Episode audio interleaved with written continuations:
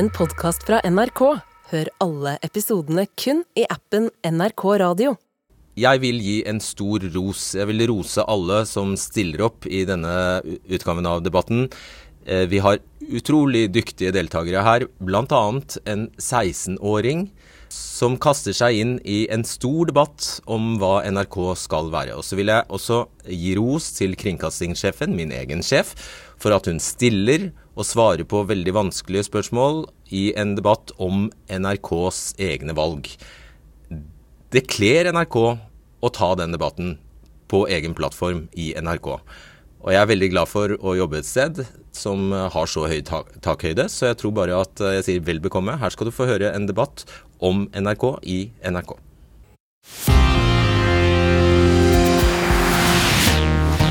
NRK elsker å skryte av at vi nyter høy tillit i det norske folk. NRK pleier å sende ut pressemeldinger om hvordan stadig flere bruker NRKs tilbud, og hvordan folk stoler på NRK.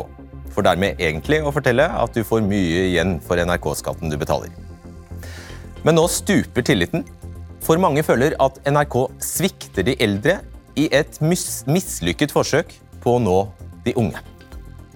For det første, Fyllesex er det verste jeg vet. Det er det verste Jeg vet Jeg elsker det! Jeg kan gjøre det hvis noen kjenner litt eller noen Hvis jeg er ekstremt Hvis jeg er ekstremt kåt på noen, sånn hvis det er noen som er bare åh, Jeg har en sånn person i livet mitt nå som jeg bare, når jeg tenker på den personen, jeg blir bare mm. Og så å ha noen hjemme hos meg, og så var jeg bare sånn Jeg vet at du elsker Jeg føler at man blir litt mer sånn nasty og blir, blir- sloppy, og det liker jeg. Jeg vil, jeg vil, jeg Jeg liker nasty, jeg vil ligge med en edru fyr, og så er jeg møkkings, for da blir jeg sånn. Det liker jeg også. Ja, det jeg vil være, jeg er jeg vil være full, du kan være edru. Eller Ja. vi kan begge være edru, men jeg vil ikke ha en I så fall så bør du ta masse Viagra. Synes jeg. Det verste jeg vet, Ja, det er er en penis som ikke kan prestere. Oi, oi, oi. Ja, og på denne måten skulle NRK nå unge jenter. NRK leide inn influenser Sofie Elise for å lage podkast. Og NRK-ledelsen sa at det er en podkast vi trenger i NRK. Marit Moenfjell, velkommen hit. Tusen takk. Du er 26 år, studerer juss ved Universitetet i Bergen. Og Sofie Elise, var måten NRK skulle nå deg på? Ja. Fungerte det? Eh, nei, det vil jeg ikke si. Eh, jeg mener jo at det er ganske kritikkverdig at NRK velger å promotere en aktør som allerede er etablert. Eh, Og som velger å trekke henne fram framfor å fokusere på unge, nye talenter. Eh, Og jeg mener jo at det er noe man kan kunne forvente av en rikskringkaster, rett og slett. Men da er jeg sikker på at NRK vil svare at Sofie Elise er bare én i en lang rekke av nettopp nysprungne talenter. Men det er hun jo ikke. Eh, Hun, Sofie Elise har holdt på i mange mange år, og hun trenger ikke mer oppmerksomhet enn det hun allerede har. Eh, Og Da mener jeg at det er veldig mange andre man kunne trukket fram istedenfor. Eh, Og så tenker jeg også at podkasten hennes ikke har en klar eh, retning om hvor den skal. Innholdet er etter min mening ikke godt nok, og da tenker jeg at man kunne fokusert mer på selve innholdet fremfor eh, denne personkulten. Da. Så du har hørt podkasten? Jeg har hørt podkasten. Hva er det den handler om? da? Hva er det de snakker om? Eh, podkasten er jo eh, dreier seg jo om eh, livene til Fetisha og Sofie Elise.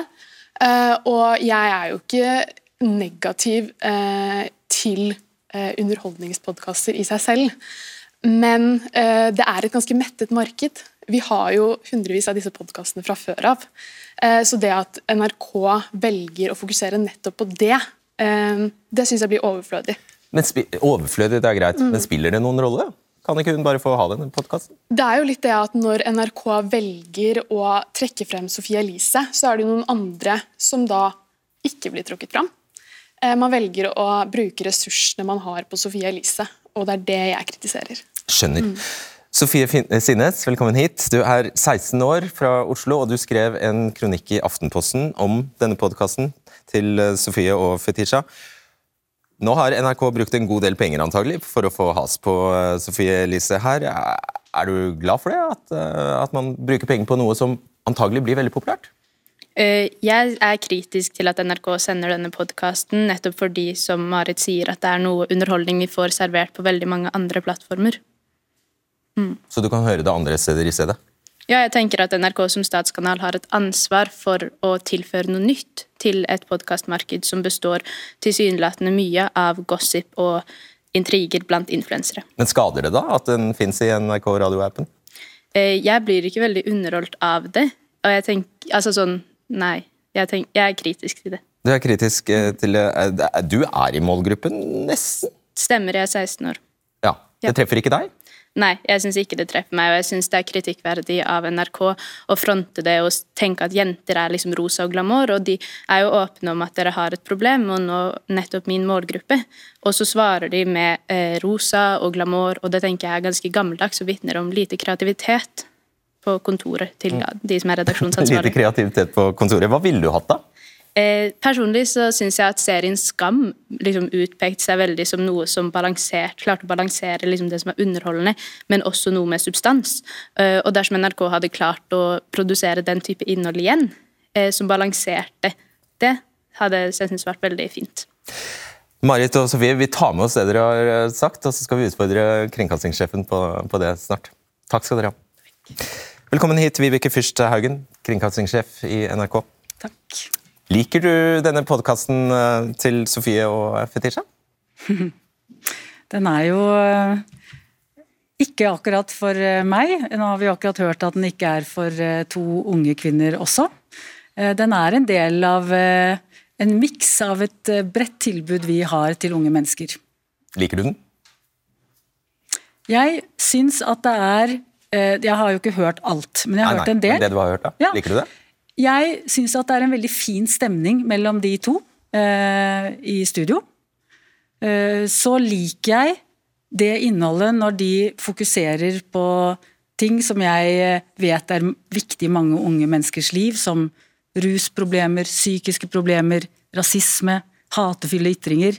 Da mener jeg at dette er godt allmennkringkasterinnhold. Mm. Er det godt allmennkringkasterinnhold når de snakker om å bli rundpult? Det er egentlig ikke så veldig relevant hva jeg personlig Nei, mener om det. du har jo uttalt deg om hva du syns er godt allmennkringkasterinnhold, så da spør jeg deg om du syns det er godt innhold når de snakker om å For det handler også podkasten om å bli rundpult. Ja, og så er det sånn at vi har et tilbud som er veldig bredt. Det går an, altså Dette er jo ikke noe som folk må lytte til. Det er ett av mange tilbud. Man må velge det. Det vet vi jo. Ja. Så Er det godt eller dårlig innhold når de snakker om å bli rundpult? Personlig så syns ikke jeg det er veldig godt innhold, men det er heller ikke for meg. Det er sant. Uh, syns du Sofie Elise er et godt forbilde? Ja, det syns jeg er et veldig interessant spørsmål. Vi har veldig mange profiler og programledere i NRK. Jeg tenker at det må være opp til hver enkelt å finne ut av hvem de har som forbilder. Ja, syns du hun er et godt, godt Nei, men Det er ikke så interessant hva jeg syns om det. fordi syns at- Ja, det, altså, da kan man jo også spørre syns jeg du er et godt forbilde. Ja, synes jeg jeg er et godt forbilde. Ja, men det er det. Jeg tenker at det må bli opp til hver enkelt av oss å bestemme hvem vi syns er gode forbilder for oss. Syns NRK Sofie Elise er et godt forbilde? Jeg har akkurat det samme svaret. Samme svar, greit. Ja. Eh, hva tilfører hun? Jeg tenker at denne podkasten, i hele bredden av det vi har av innhold, og av det brede tilbudet vi har for unge mennesker, så tilfører de eh, Det er en annen stemme, en ny stemme. Eh, og det syns jeg er helt fint at vi har den stemmen hos oss. Det er et stort skal være et stort ytringsrom. Det skal være mulig eh, å ha et mangfold av meninger og stemmer. Rune Lind, redaksjonssjef i NRK Underholdningsavdelingen, gikk jo mye lenger enn å si at det bare var en ny stemme. Han sa at dette er en podkast vi trenger i NRK, sa han. Er det en podkast vi trenger i NRK, syns du? Ja, Det syns jeg vi kan diskutere, men vi mener jo at det er en podkast Vi har den podkasten, og jeg mener at det innholdet kan vi stå inne for. Ja, For litt siden så mente NRK vi trengte denne podkasten, så da lurer jeg på om vi trenger den fortsatt. Ja, nei, det tenker jeg at vi, Dette er jo en stadig diskusjon. Vi hørte akkurat to eh, kloke unge jenter som sa noe om hva de mente. Eh, og så vet jo jeg, like godt som de aller fleste, at det er ikke sånn at ett av våre tilbud vil eh, treffe alle. Ikke sant? Og det, Vi må ha med oss det. 60 000 omtrent følger denne podkasten, og en tredjedel av de som følger den podkasten, de finner annet tilbud i Nei, la meg få lov å fullføre. Fordi at de finner annet tilbud som gjør at de blir kjent med NRKs bredere tilbud. En tredjedel av de som lytter til podkasten, lytter på Oppdatert, Lørdagsrådet og andre ting vi har i vår NRK radio. Du skal straks få debattere dette med andre enn, andre enn meg, eh, kringkastingssjef. Eh, Hva får Sofie Elise betalt? Vi, det er, vil jeg ikke kommentere. Vi har en rekke avtaler. Ja, Ja, det er hemmelig. Vi, ja, men vi har eh, avtaler som, eh, som vi ikke kommenterer. Det er eh, konfidensielle avtaler vi har med ulike oppdragstakere. Jeg må jo tåle at lønna mi ligger her ute til spott og spe. Hvorfor får jeg ikke vite hva hun får betalt? Nei, for det at de avtalene vi gjør med oppdragstakere som er tilknyttet NRK, det er ikke en del av den eksempel, Alle vi som jobber i NRK må være åpne om hva vi tjener, men dette er noe annet. Hva, ja, det er urettferdig. Eh, Sånn er det. Vi har en rekke avtaler som eh, ikke er åpne for eh, hver og, hver og en. Hvor lenge varer kontrakten? Det vil jeg heller ikke komme. Er det også hemmelig? Ja, men vi har, Denne avtalen har vi inngått med henne, og det er en avtale mellom henne og NRK. Hvorfor fikk det ingen konsekvenser at hun postet et eh, bilde med en pose med noe vittig? Det eh, fikk konsekvenser på den måten at vi hadde en samtale med henne. Eh, Jeg har lyst til å si at det er ikke første og ikke siste gang i NRKs historie at noen som er tilknyttet NRK, havner i en situasjon som er krevende.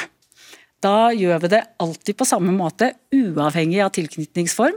Vi setter oss ned og har en samtale om den situasjonen som har oppstått.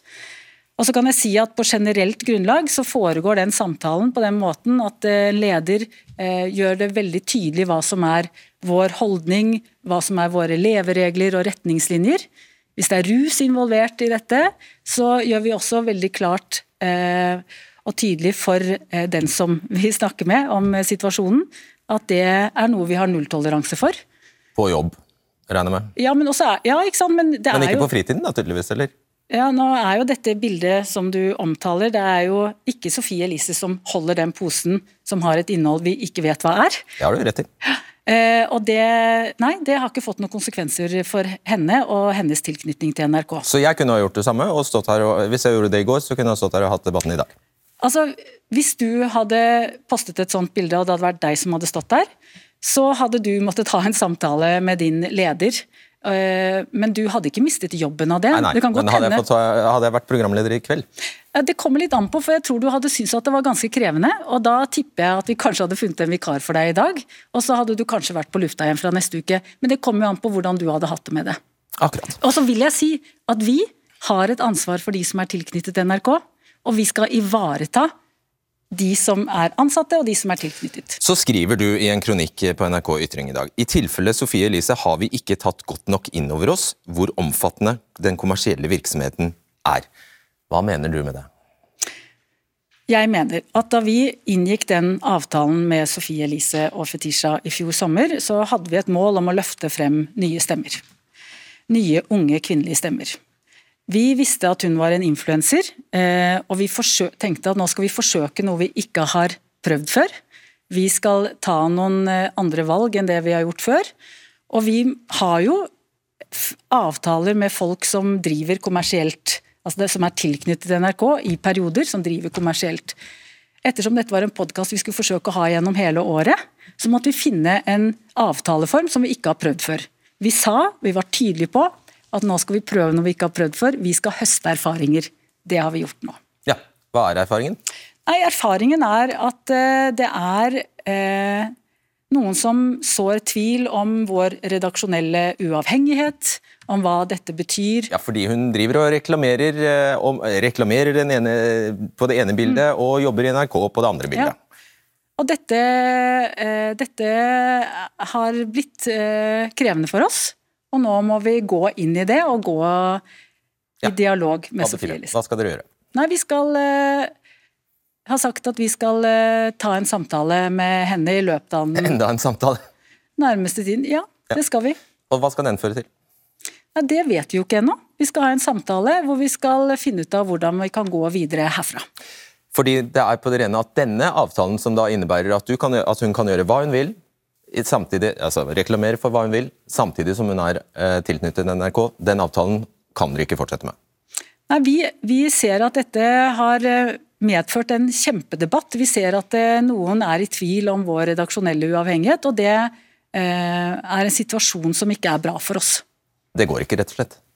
Nei, Vi må finne ut av hvordan vi kan gå videre herfra. Og hva betyr det? Nei, Det, det vet jeg ikke ennå. Vi skal ha den samtalen, og så får vi se hvordan det blir. Det, vil dere legge ned podkasten? Vi får se. Vi får se. Det er helt oppriktig, jeg vet ikke. Men den endringen du varsler, varsler nå, kommer det bare til å være en sånn teknisk-juridisk eh, endring på en eh, avtale eh, som vi andre ikke merker, eller kommer, kommer lytterne av podkasten til å merke det? Nei, Jeg, jeg syns det er for tidlig å si. Ja, Hvis det bare er en teknisk endring, så har det vel ingenting å si? Nei, men det, det, det kommer til å merkes, og så får vi komme tilbake til hvordan det kommer til å merkes. Jeg vet ikke ennå. Vi har ikke hatt en sånn. Ok, ja, Hvilke forventninger har du til henne nå, da? Det skal vi snakke med henne om. Greit. Uh, Oda Oline Omdal, du er eh, student, og uh, Sofie Skal vi se, der var du! og Sofie Elise følger gjennom mange år. Du er samfunnsdebattant, og så er du også med, eh, du har bakgrunn i Unge Høyre. Veldig glad for at du kunne komme hit, for jeg må innrømme at det har ikke vært enkelt å finne noen som ville forsvare Sofie Elise i denne situasjonen. Jeg vet de finnes, men det har vært vanskelig. Eh, Hva har Sofie Elise betydd for deg?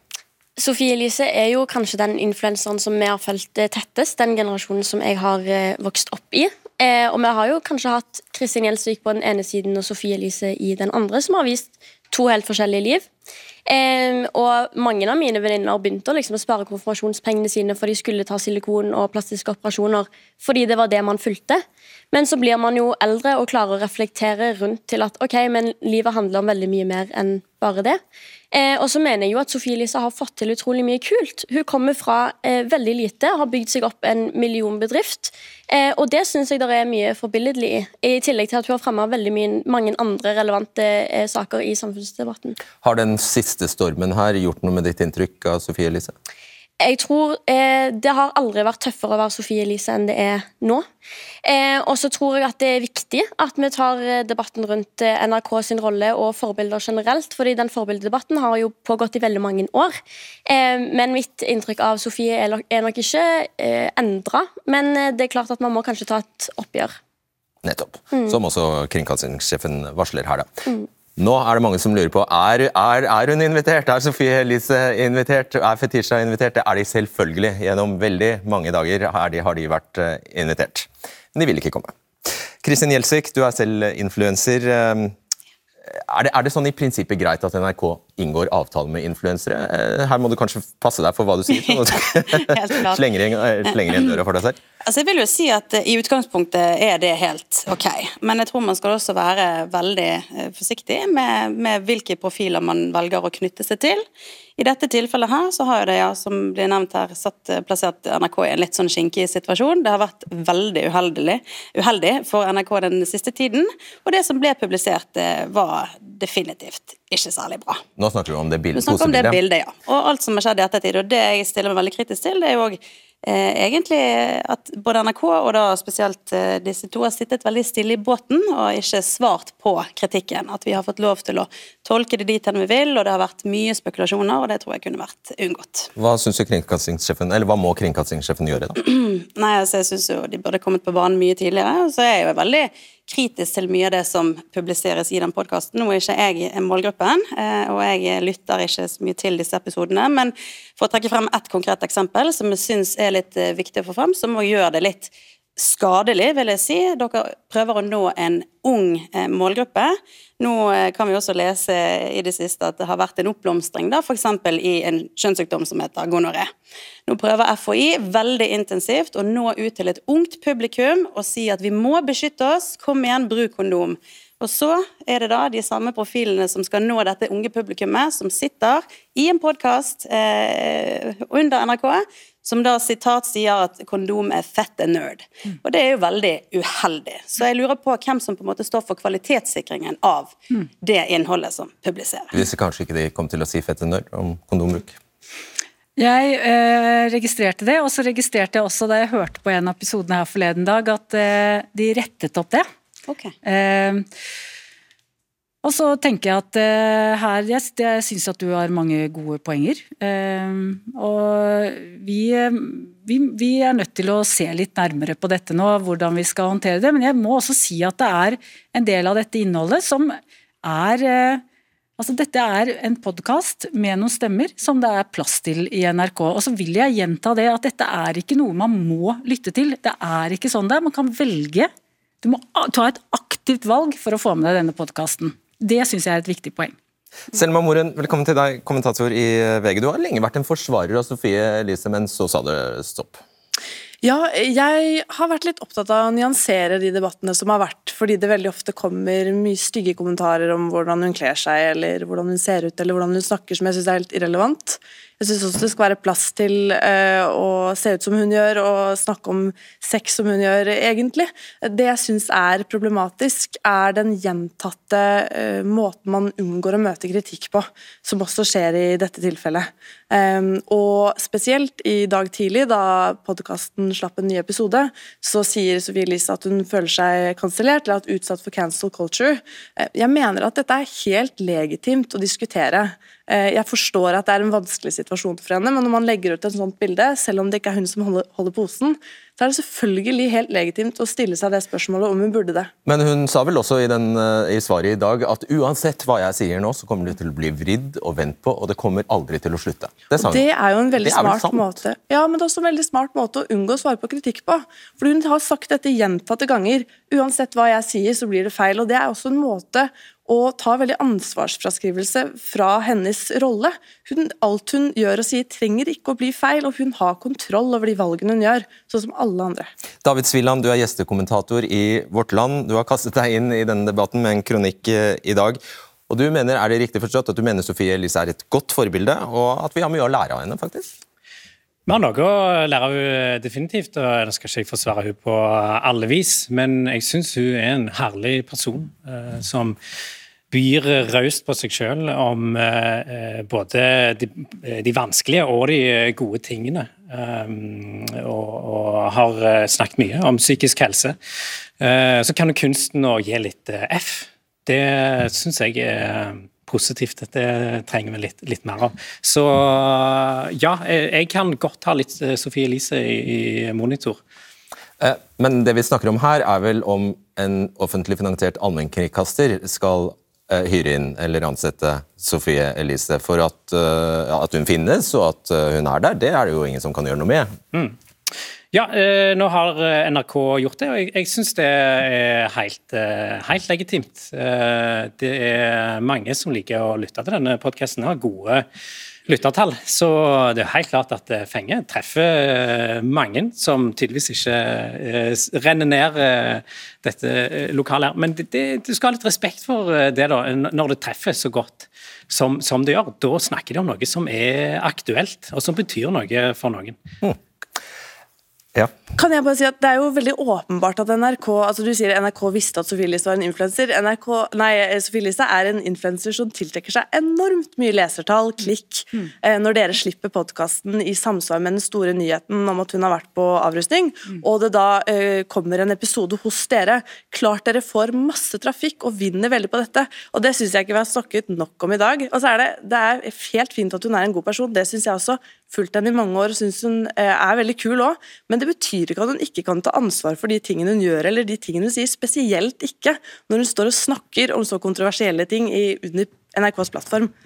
Da skal vi til deg, eh, Marte Valle. Du er sykepleier og artist. Eh, har engasjert deg sterkt i denne saken. Og I NRK-plakaten som jeg styres av, som vi styres av her, så står det at NRK skal utvikle tjenester på alle viktige medieplattformer for å nå bredest mulig ut. Og med ja, jeg vet ikke om det, det er ca. 100 000 lyttere på siste episode i hvert fall av denne eh, podkasten til Sofie og Fetisha, så gjør jo NRK nettopp det. Ja, altså Hvis målet er i seg sjøl å nå bredest mulig ut, så gratulerer til NRK, da har dere klart det. Men spørsmålet er med hva. Eh, og sånn som det har fungert den siste uka nå, så har NRK endt opp med å bli et PR-apparat for en av Norges største influensere, som har veldig mye problematisk innhold, og der det nesten blir sånn at eh, det som kan heves av det positive, skal på en måte kansellere hele diskusjonen om det som er problematisk. Jeg har lyst til å bare si veldig kort hva jeg har stått i den siste uka som sykepleier som jobber med ungdom og psykisk helse, og som mor til et tenåringsbarn. Det er altså situasjoner med deling av overgrepsvideoer på nett. Det er nakenbilder av barn. Det er eh, selvskading i forbindelse med eh, ulike identitetsproblematikk, der sosiale medier er med på å forverre, forverre dette. Og de unge bombarderes fra sosiale medier døgnet rundt med forbilder som har kun fokus på individet, hvordan man skal se ut, hvordan man skal fremstå. Meg og mitt og mine opplevelser og tanker av og hva som er vanskelig og hva som er krevende. Og de trenger ikke å få dette også på NRK. Vi er så ja, men, mange nå, bare, du, du, trekker vel trekker du en linje mellom Sofie Elise og seksuelle overgrep? Var det det du gjorde? Sofie Elise snakker om deling av dickpics som noe veldig positivt i sin podkast.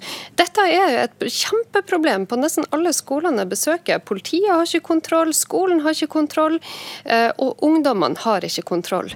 Og dette eh, er liksom eh, et av de største utfordringene som, som ungdommene står i, nemlig det å håndtere sosiale medier og hvordan det påvirker dem. Så jeg, jeg, klarer ikke å forstå hvordan NRK kan forsvare eh, at dette er det som skal serveres de unge, når det er så mye problematisk med det. Bare heng med oss, Marte Wallo. Du skulle vært her, men flyet ditt ble altfor forsinket pga. dårlig vær. Det er, så, det er, veldig synd. Men du er med fra Bergen, heldigvis. Hva, hva sier du til dette, Oda? Jeg forstår eh, veldig godt kritikken NRK får eh, over, med tanke på det som har blitt sagt i disse podkastepisodene. Men så er det òg sånn at vi har en følgermakt Eh, og For meg så er begrepet forbilde veldig subjektivt. Det har subjektive definisjoner. Eh, seertallene, eller lyttertallene nå, da, eh, hos denne podkasten har skutt i været fordi at vi har gitt oppmerksomhet. Eh, vi som lyttere, vi som følgere og vi som hennes følgerskare har et aktivt valg om vi ønsker å følge med på dette eller ikke. Eh, og det syns jeg vi snakker altfor lite om. Eh, jeg har fulgt henne lenge, men når det begynte å gå utover min psykiske helse, så er det ikke verre enn å trykke unfollow og så er hun borte. Det er ikke verre enn å ikke oppsøke det. Eh, og skolene og foreldre kan like så godt ha et like stort ansvar som det NRK har i denne saken. Og Vi skal ta en liten, vi vet litt om hvor eh, stor påvirkning influenserne faktisk har på ungdom og unge. I en eh, undersøkelse som heter Ung, utført av Opinion, svarer 54% at de har tillit til bare noen få kjente personer som de følger på sosiale medier. 11% sier de ikke har noen tillit til noen av de kjente personene de følger på sosiale medier. 52% svarer at den viktigste grunnen til at de følger profiler, er for å bli underholdt. Og bare 8% sier at de, fokus, at de følger dem fordi de setter fokus på viktige samfunnssaker. Åtte av ti stoler mest på tradisjonelle medier, som NRK, Aftenposten, VG, Dagbladet osv. når det gjelder nyheter. Kun 3% stoler mest på influensere. 32% av gutter og jenter, og hele, ja, hele 50% av jentene stoler aller mest på personer de følger på sosiale medier når det gjelder mote og klær. Seks av ti har oppdaget nye merker og produkter på sosiale medier, og dette hadde jo ikke gjort noe hadde det kanskje ikke vært for at de da går hen og shopper. 40% av gutter og jenter og 49% av jentene har kjøpt et produkt en influenser har anbefalt. Så da her, dette er jo svart på hvitt. Altså Det NRK bidrar til her, er jo rett og slett uh, Det er målbart. Ja. NRK bidrar til uh, at influensere får økt markedsmakt. Dette er veldig interessante tall, og NRK kan ikke ta ansvaret for uh, disse tallene alene. Men det er sant at når vi nå for første gang har engasjert en influenser på den måten som vi har gjort nå, så er vi en del av dette. Og det er jo ikke sånn, Du, du selger jo ting, du, du, også, så hva er forskjellen på deg og hva er forskjellen på deg Sofie Elise? Altså, jeg vil vel heller si at Forskjellen på meg og NRK da, det er vel det som jeg syns denne debatten, debatten bør handle om. Ikke Sofie Elise som person, det er også henne som bedrift. Det er veldig viktig å skille de to. Hun er en millionbedrift. Eh, en av eh, på topp tre-listen over mest, eh, de influenserne som omsetter for mest penger. Men, men jeg syns jo det store problemet her, det er jo da at NRK, som da skal være dette eneste som ikke styres av kommersielle krefter, nå knytter til seg den mest kommersielle profilen vi har i landet. Altså, ja, Som omsetter for så mange millioner kroner. Og det er klart at disse klagene som kommer inn, det er jo 100% berettiget, og det syns jeg også NRK bør, bør, ta større stilling til. Jeg syns dere som sagt har vært litt for tause rundt akkurat det. Ja, mm. og det er eh, en kritikk eh, jeg tar til eh, meg. Jeg forstår at det er en stor debatt som går nå. Den må vi ta på det dypeste alvor. Og derfor så kommer vi til å gå i dialog nå for å se på hvordan vi kan eh, finne ut av hvordan vi skal gå videre herfra. Men alle skjønner at eh, det du sier, sier nå, altså hvis det bare blir med dialogen, så har det ikke noe for seg? Nei, altså vi la oss Må føre til noe. Ja, men det er det jeg sier. Ja, ja du sier det vil føre til noe. Men... Jeg sier at vi skal finne ut av det. Hva ønsker du det skal føre til, da? Jeg eh, møter eh, Sofie Elise med et åpent sinn, og så får vi se hvordan vi kan gå videre herfra. Ja, eh, nei, jeg syns dette er veldig vagt, og jeg forstår jo at du må være vag. Eh, men hele denne diskusjonen blir jo veldig rar av at vi verken kan snakke med Sofie Elise eller egentlig NRK. Da virker det som, eh, fordi det eneste som kan sies, er at man skal ta en samtale.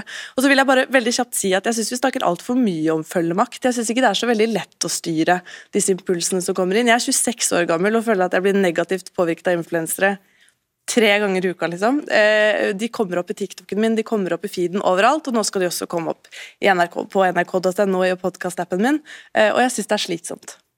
Du kan stenge telefonen. Ja, vi kan jo bare slutte å være på telefonen. Det var en god løsning. Ingen årsak. Ok, jeg tror jeg sier tusen takk til det. Vi skal gjøre et lite skifte her. Takk skal dere eh, to ha. Inn her kommer Erik Stefansen. Og så skal vi også få besøk av Nils Petter Strømmen, som er seniorrådgiver i analyseselskapet Kantar. Og da fortsetter vi egentlig litt med tall. Du vet, du kan fortelle oss litt mer om Strømmen. Siden du har studert NRK siden 90-tallet, faktisk. Eh, hvorfor er det så vanskelig for NRK å nå de unge? Eh, det er eh, ikke bare vanskelig for NRK, det er vanskelig for hele den norske mediebransjen. Og det har skjedd en eh, stor endring i medielandskapet de siste 20 årene som gjør det ikke umulig, men gjør det utrolig krevende. Åtte timer konsumerer norske ungdommer på, konsumerer medier hver eneste dag fem og en halv time går til eh, de globale plattformene som Snapchat, som Instagram, som YouTube, som Netflix og ja, you name it. Så eh, konkurransen har blitt beinhard, og det er eh, så mye innhold der ute. Det er to og en halv time igjen til de norske kanalene, eh, og derfor så blir det krevende. Så de er bare alle andre steder? De er veldig mange andre steder, men er jo, de er jo også på NRK. 60 eh, eller 100 000 har jo hørt podkasten til Sofie Elise. Det er riktig. Eh, så da, i det store bildet her, så er det ikke så farlig om Sofie Elise har en podkast på NRK? Ja, Det er jo det som er diskusjonen nå, selvfølgelig. og Den siste uka eller de siste to ukene så man, har man jo fått et inntrykk i det totale mediebildet at Sofie Elise skal bære ungdomssatsingen til NRK. Eh, og Det er jo veldig lett å mene noe om hva NRK ikke skal drive med, men det er jo ganske alarmerende tall hvis vi ser disse fem og en halv timene som går til globale eh, plattformer. Så noe må jo gjøres. og her har NRK prøvd noe som eh, ikke har falt i god jord hos eh, alle. Og, og det, NRK må jo ha tenkt sånn at oi, her har vi en influenser med 500 000 følgere. Klarer vi å få noen av dem over på NRK?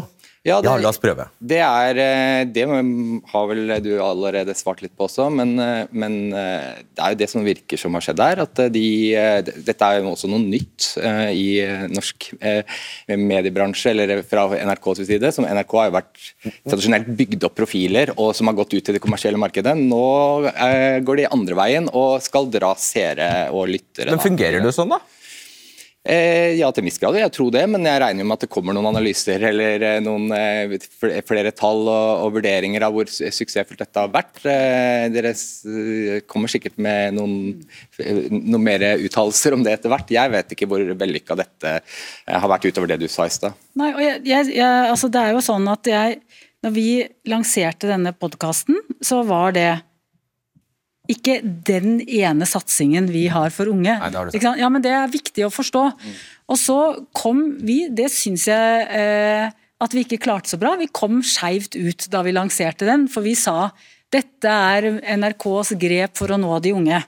Eh, og det er, eh, det er jo ikke det det er. Det er én av mange tilbud som fins. Eh, og så syns jeg vi kløna. Det var dumt sagt at eh, vi trenger denne podkasten. Det Ja, men vi var, vi? Det hørtes ut som dette er vår måte, vi skal ha de 500 000 følgerne. Det er ikke det. Dette er en stemme i, en stemme i miksen Du vil jo ha 500 000 unge føl- følgere til Nei, NRK. ja, du vil jo det. Ja, men det er jo ikke det som er vårt, eh, det er jo ikke det som er vårt mål. Men vi vil gjerne, som du var inne på, vi ser at unge norske menn og kvinner ikke forholder seg til nasjonale redaktørstyrte medier. Vi er nødt til å se hvordan er det vi kan være relevante for dem. Og det er det vi har forsøkt her. Jeg vil ha 500 000 unge seere på Debatten, i hvert fall. For å snakke for meg selv. Det vil jeg. Ok, Erik Stefansen, du er politisk redaktør i Nettavisen. Det har vi ikke, dessverre. Eh, Erik Stefansen, du er politisk redaktør i Nettavisen, og du mener faktisk her må politikerne på Stortinget inn og begrense NRK. Hva mener du med det? Jo, jeg mener det. Altså, først vil jeg si at, at jeg er ikke så veldig sjokkert over Sofie Elise. Disse forbildene som vi hadde når vi var unge, de var ikke sånn eh, engler, det heller. Men det er, som er en interessant debatt, det er hvor NRK er på vei. Hva slags retning NRK har tatt med dette her. Og da skal vi først liksom se litt på grunnen til at vi har NRK. Og det er jo at vi har en, at det skal være en allmennkringkaster som skal gi oss veldig mye av det som vi ikke får ellers. Også, Kjedelig, upopulært innhold, er det det du mener? jo, eller litt, litt for, for, for enhver smak. Nyheter, annet. Altså uhilda nyheter. Også NRK har en voldsom oppgave. Og nå, det NRK egentlig gjør nå, det er at de gjør det motsatte. De går ut av sin rolle, og så går de ut Istedenfor å skape profiler sjøl, så går de ut og så kjøper de ut ei hyperkommersiell vare, og så prøver de å selge det inn. Men hva helt konkret er det du krever? For du har påkalt Stortinget her. Ja, det har jeg. Det er, jeg skrev i en kommentar at eh, et hyperbola NRK, eh, som kaster rundt seg med, med, med, med 6 milliarder skattekroner, er ikke godt for noe. Og det, Når dette eh, ro, roer seg, så tror jeg også politikerne og NRK må sette seg ned og se hva er det vi vil med NRK. For det som skjer nå, det er at Istedenfor at vi får et bredere tilbud, at, at, at tilbudet på en måte breier seg ut, det er at det spisser seg. Fordi at NRK vil bli så kommersielle de kan, og de kommersielle kanalene vil bli så, så kommersielle de kan.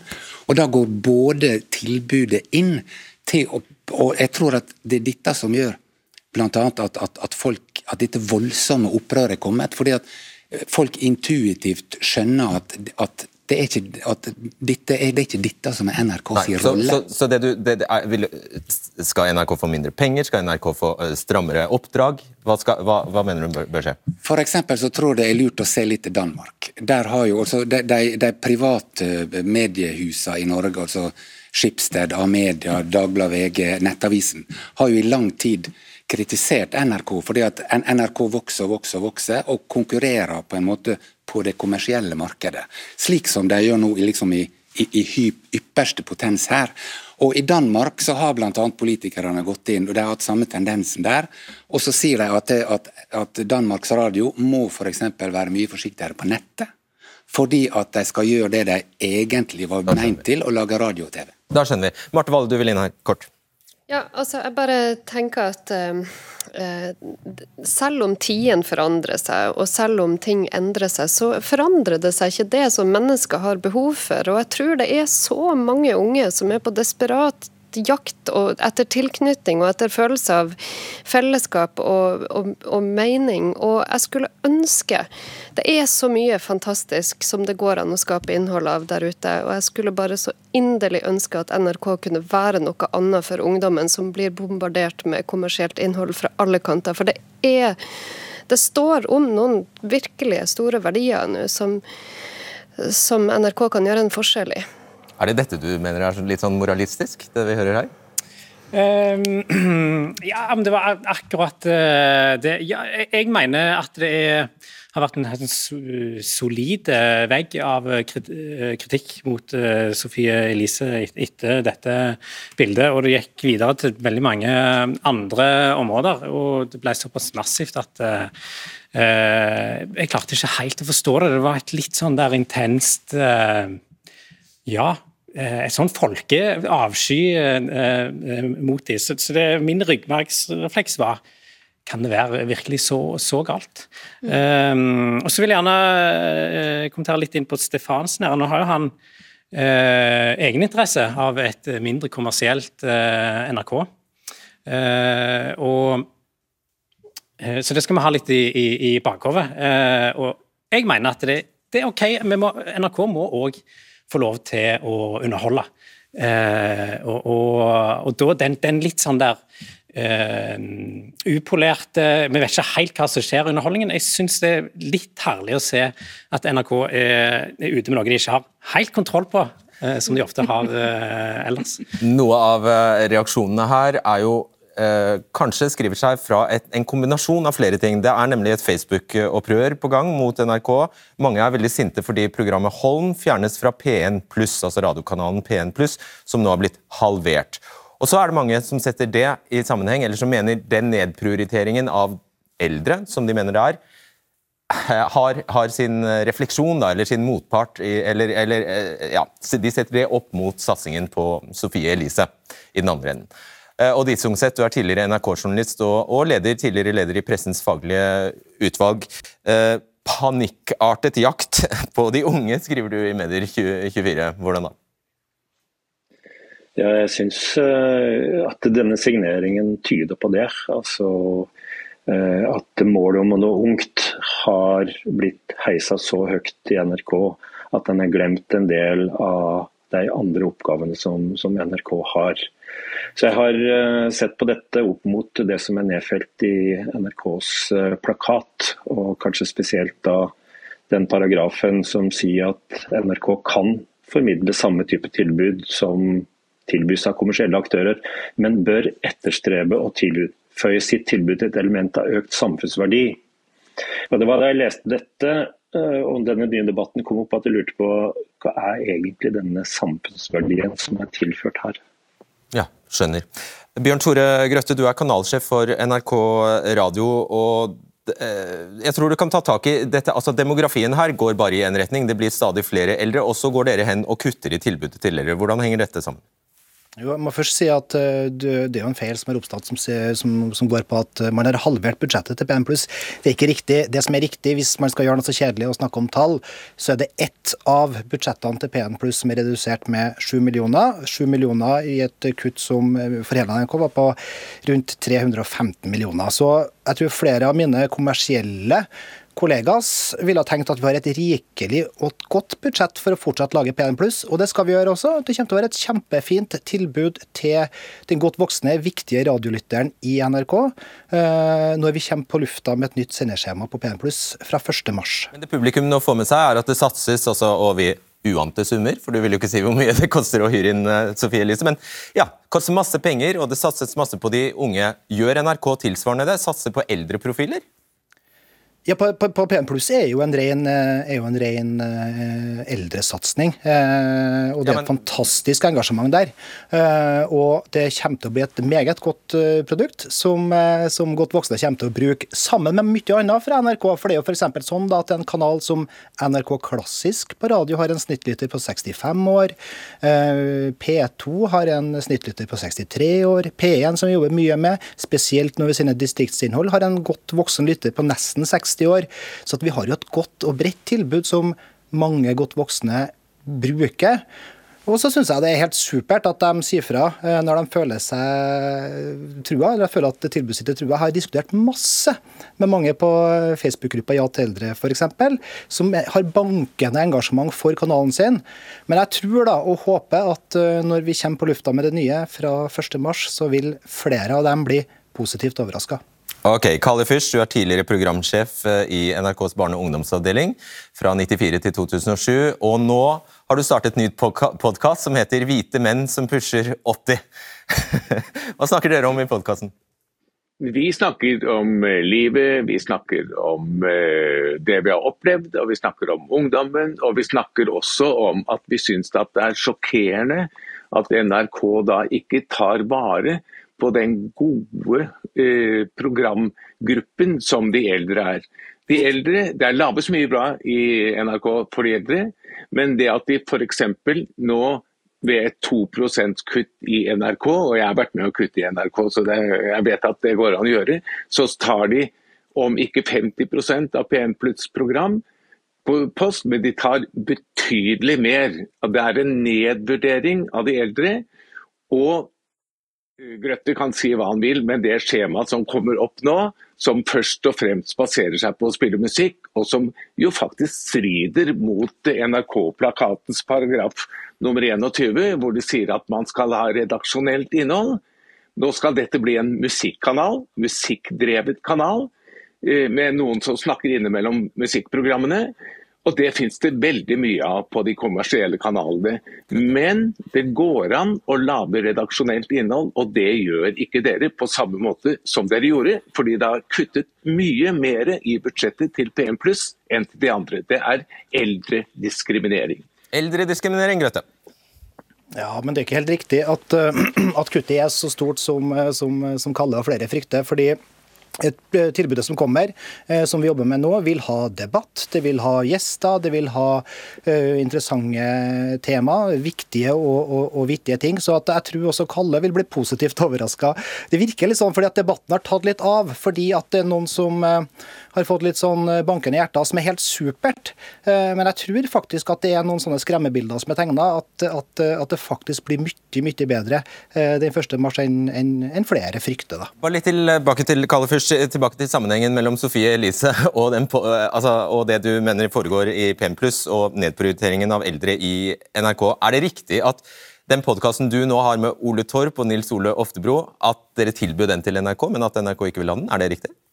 Det er riktig. Eh, det gjorde vi for et år siden. fordi eh, Da ville de ikke ha podkaster for folk over 40 år. For det ødela podkastprofilen deres. Sa de det?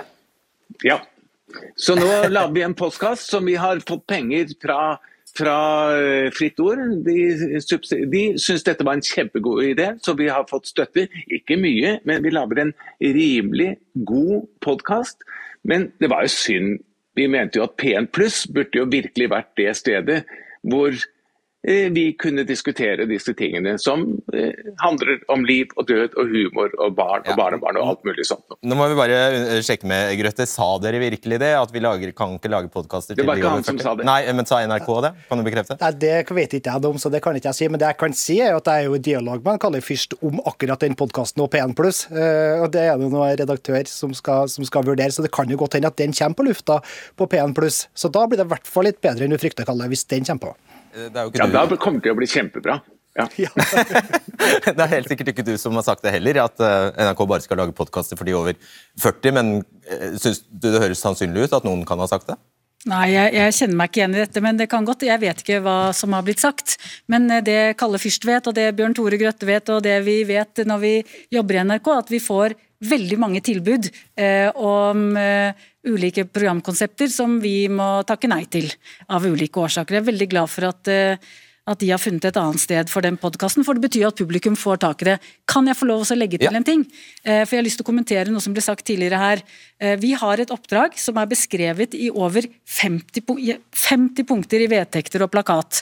Det er forventningene som er stilt til NRK. Eh, det handler om Kanskje det er litt for mange? Nei, ja, ja, det kan godt hende. Men vi har et oppdrag som vi skal løse. Vi har en ambisjon om å løse det på best mulig måte. Da for å nå frem til det publikum vi skal nå frem til, så trenger vi å være på de plattformene som de bruker.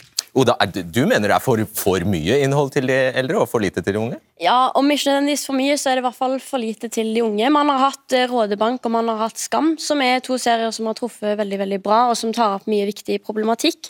Men det som jeg står litt igjen med i denne debatten, det er at når man sto her i 2019, så diskuterte man at eh, influensere hadde for mye fasade, at man aldri snakket om det som var eh, vondt og kjipt. Mens nå står de samme menneskene her og sier at man snakker for mye om det som er vondt og kjipt. Og det syns jeg er en skikkelig dårlig eh, dobbeltmoral som denne debatten burde handle mye mer om. Eh, jeg syns det er bra at NRK tør å satse på eh, de unge. Det tror jeg er viktig. Og så vil jeg jo si at samtidig som vi har fått Sofie Elise, så har jo de eldre fått f.eks. Demenskoret og andre serier som er veldig hyggelige. nå, fikk jeg meg, eh, nå fikk jeg bare jeg, lyst til å spørre, jeg må vite det her. Var det NRK som tok kontakt med Sofie Elise, eller omvendt? Det vet jeg ikke. Det vet du ikke? Ok. Hvor er det, hva er det, Du må være kort.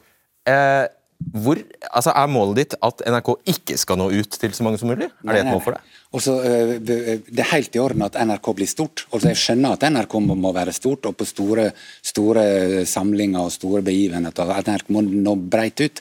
Men, men argumentasjonen blir litt hul. Også Skam blir nevnt her. Også NRK har vist mange ganger at de klarer utmerket godt å lage, lage, innhold for ungdom uten å gå ut og, og, konkurrere på det kommersielle markedet. For Problemet er at hvis NRK blir for stort altså De fleste av oss vet jo at offentlig og privat konkurrerer eller utfyller hverandre. Men hvis da NRK blir litt for stor, så går det utover konkurransen konkurranse med de andre, som nå konkurrerer mot Facebook, TikTok, alle pengene som da forsvinner. Og hvis da NRK blir for stor, så kan de bli for store. Sånn at dere ikke tjener nok penger. Ja. Du får avslutte. Når skal møtet være, og når får vi vite hva som skjer? Det får vi komme tilbake til. Jeg har lyst til å si at vår uavhengighet er eh, særdeles viktig. Eh, og Det gjelder både når det kommer til politikere og når det kommer til kommersielle interesser. Vi må sikre vår eh, uavhengighet. Amen. Ok, Hvis jeg ikke går hen og gjør noe veldig dumt i helgen, går på byen og gjør noe veldig dumt, da må du passe på meg! Da må du passe på. Men hvis jeg ikke gjør det, så dukker jeg opp på skjermen på tirsdag. Jeg håper det. Det håper jeg også. Ok, vi ses. Jeg, jeg åpnet denne podkasten med ros. Jeg tror jeg vil gi tilsvarende ris til alle de som har trukket seg underveis i denne prosessen. Det er mange som fikk kalde føtter, og som ikke ville stille i denne debatten. Vi har ringt fletta av oss, for å være helt ærlig. Og det er bare å registrere at mange har berøringsangst.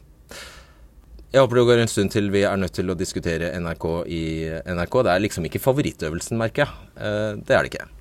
Men nå får vi jo alle bare vente på resultatet av denne avtalen som skal endres. Jeg setter punktum der, og så høres vi. Ha det bra. Du har hørt en podkast fra NRK. Hør alle episodene kun i appen NRK Radio.